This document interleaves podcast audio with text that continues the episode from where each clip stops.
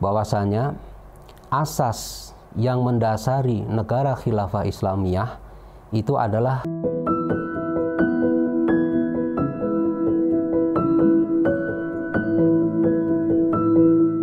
Assalamualaikum warahmatullahi wabarakatuh. Bismillahirrahmanirrahim. Alhamdulillahirrabbilalamin Wassalatu wassalamu ala ashrafil anbiya wal mursalin Sayyidina wa maulana Muhammadin Sayyidil awalin wal akhirin Wa ala alihi al-akramin wa radiyallahu ta'ala an ashabihi wa anitabiin amabat Ikhwani sahabat khilafah channel yang dirahmati Allah Pada kesempatan kali ini kita akan mengkaji bersama-sama satu kitab yang dikeluarkan oleh Hizbut Tahrir yakni kitab Mukodimah Dustur. Di dalam kitab ini kita akan mendapatkan penjelasan terkait dengan undang-undang dasar yang akan diadopsi oleh negara khilafah.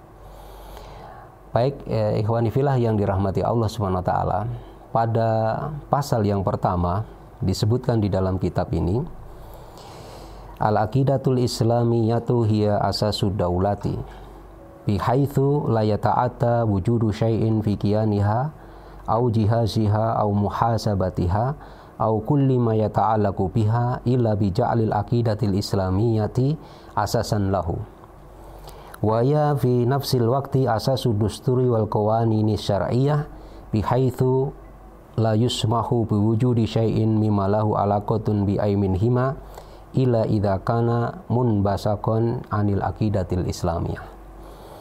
Pada pasal yang pertama dijelaskan di dalam kitab ini, akidah Islamiyah adalah dasar negara, di mana tidak ada satupun di dalam institusinya, strukturnya, muhasabahnya atau semua yang berkaitan dengan negara, kecuali akidah Islamiyah dijadikan sebagai asas baginya.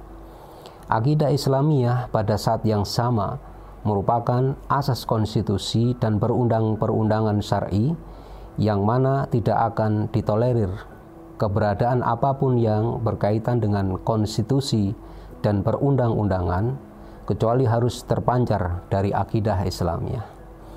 Di dalam pasal ini kita mendapatkan satu penjelasan bahwasanya asas yang mendasari negara khilafah Islamiyah itu adalah akidah Islamiyah.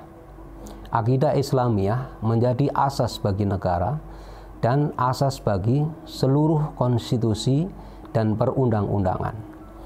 Dalil yang mendasari pasal ini adalah praktek kenegaraan yang dilakukan oleh baginda Nabi Muhammad SAW dan juga para sahabat yang mulia. Kita ketahui bersama ikhwani filah yang dirahmati Allah. Pada saat baginda Nabi Muhammad SAW menegakkan negara Islam di kota Madinah Al-Munawwaroh, beliau membangun daulah Islamiyah yang ada di Madinah Al-Munawwaroh tegak di atas akidah Islamiyah sejak pertama kali negara Islam didirikan oleh baginda Nabi Muhammad Shallallahu Alaihi Wasallam. Kemudian yang kedua adalah beliau Shallallahu Alaihi Wasallam menjadikan syahadat la ilaha illallah Muhammadur Rasulullah sebagai asas kehidupan bagi kaum muslimin dan juga asas interaksi di antara umat manusia, asas untuk melanyapkan kedoliman dan menyelesaikan perselisihan. Dengan kata lain, ikhwani filah yang dirahmati Allah SWT, akidah Islamiyah dijadikan sebagai asas bagi seluruh aspek kehidupan, serta asas bagi kekuasaan dan pemerintahan. Tidak berhenti di situ saja, Allah Subhanahu wa taala dan rasulnya telah mensyariatkan jihad dan memfardukan jihad atas kaum muslimin untuk menyebarkan akidah Islamiyah ke seluruh penjuru dunia, ke seluruh umat manusia. Di dalam hadis yang diriwayatkan oleh eh, Imam Bukhari dan Muslim, baginda Nabi Muhammad sallallahu alaihi wa alihi wasallam bersabda, umirtu an uqatilan nas hatta yashhadu alla ilaha illallah wa anna muhammadar rasulullah wa yuqimu shalah wa yu'tu zakah fa idza fa'alu dzalika asamu minni dima'ahum wa amwalahum illa bihaqqil islam wa hisabuhum Allah au Baginda Nabi menyatakan Aku diperintahkan untuk memerangi manusia hingga mereka bersaksi tidak ada sesembahan yang berat disembah kecuali Allah Subhanahu wa taala dan Muhammad utusan Allah dan hingga mereka menegakkan sholat dan menunaikan zakat. Jika mereka melakukan hal itu, mereka terpelihara dariku darah dan harta mereka, kecuali atas hak Islam dan hisab mereka di sisi Allah Subhanahu wa taala. Kemudian dalil lain yang menunjukkan bahwa baginda Nabi Muhammad Shallallahu alaihi wasallam menjadikan akidah Islamiyah sebagai dasar bagi daulah Islamiyah adalah fakta yang menunjukkan bahwa baginda Nabi Muhammad SAW telah memfardukan kepada kaum muslimin untuk menjaga kelangsungan akidah Islamiyah sebagai asas negara. Beliau Shallallahu Alaihi Wasallam memerintahkan kaum muslim untuk mengangkat senjata dan memerangi penguasa yang telah terjatuh kepada kekufuran yang nyata, yakni penguasa yang tidak menjadikan akidah Islamiyah sebagai asas negara. Di dalam hadis yang diriwayatkan oleh Imam Muslim, baginda Nabi Muhammad Shallallahu alaihi wasallam bersabda, "Satakunu umara'u fata'rifuna wa tunkirun. Faman arafa bari'a wa man angkara salima. Walakin man rodiya wa taba'a." Qalu afala nuqatiluhum qala la. Akan datang para penguasa, lalu kalian akan mengetahui kemakrufan dan kemungkarannya maka siapa saja yang membencinya akan terbebas dari dosa dan siapa saja yang mengingkarinya dia akan selamat tapi siapa saja yang rela dan mengikutinya maka dia akan celaka lalu para sahabat bertanya kepada baginda Nabi Muhammad Shallallahu alaihi wasallam afala nuqatiluhum tidakkah kita perangi mereka? Baginda Nabi Shallallahu alaihi wasallam di dalam hadis ini memberikan jawaban qala la masallau tidak selama mereka masih menegakkan sholat. Di dalam hadis ini, ikhwani fila yang dirahmati Allah Subhanahu wa taala, baginda Nabi Shallallahu alaihi wasallam memerintahkan kepada umat Islam untuk memerangi penguasa-penguasa yang telah terjatuh kepada kekufuran yang nyata. Penguasa-penguasa yang sudah tidak menegakkan sholat. Di dalam satu penjelasan yang disampaikan oleh uh, Imam Nawawi, yakni di dalam kitab Sarah Muslim, pada saat beliau menjelaskan hadis ini, wa ama qauluhu afala nuqatiluhum qala la masallau dia mengatakan fafihi makna masabako anahu la yajusul khurus alil khulafa bi mujarati awil fiski malam yughayyiru syai'an min qawaidil Islam. Imam Nawawi mengatakan, adapun sabda beliau Shallallahu Alaihi Wasallam, tidakkah kita perangi mereka? Dan Nabi Wasallam memberikan jawaban, jangan selama mereka masih sholat.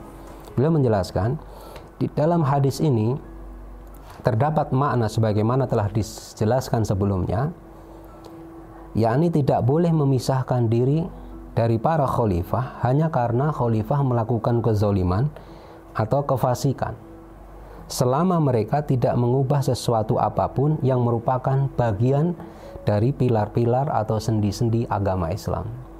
Itu artinya ikhwanifillah yang dirahmati Allah SWT, apabila penguasa sudah mengubah pilar-pilar atau sendi-sendi e, agama Islam atau tidak menjadikan akidah Islamiyah sebagai dasar, sebagai konstitusi bagi negara, maka e, penguasa itu harus dimaksulkan. Penguasa itu harus diganti.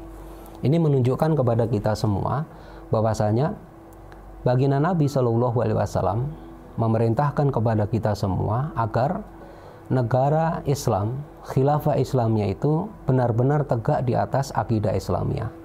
Dan untuk menjaga kelanggengan akidah Islamiyah sebagai dasar dari negara, baginda Nabi Shallallahu Alaihi Wasallam memerintahkan kepada kaum muslimin untuk memerangi atau mengangkat senjata bagi siapa saja penguasa yang sudah mengubah sendi-sendi agama Islam. Iwan yang dirahmati Allah Subhanahu wa taala.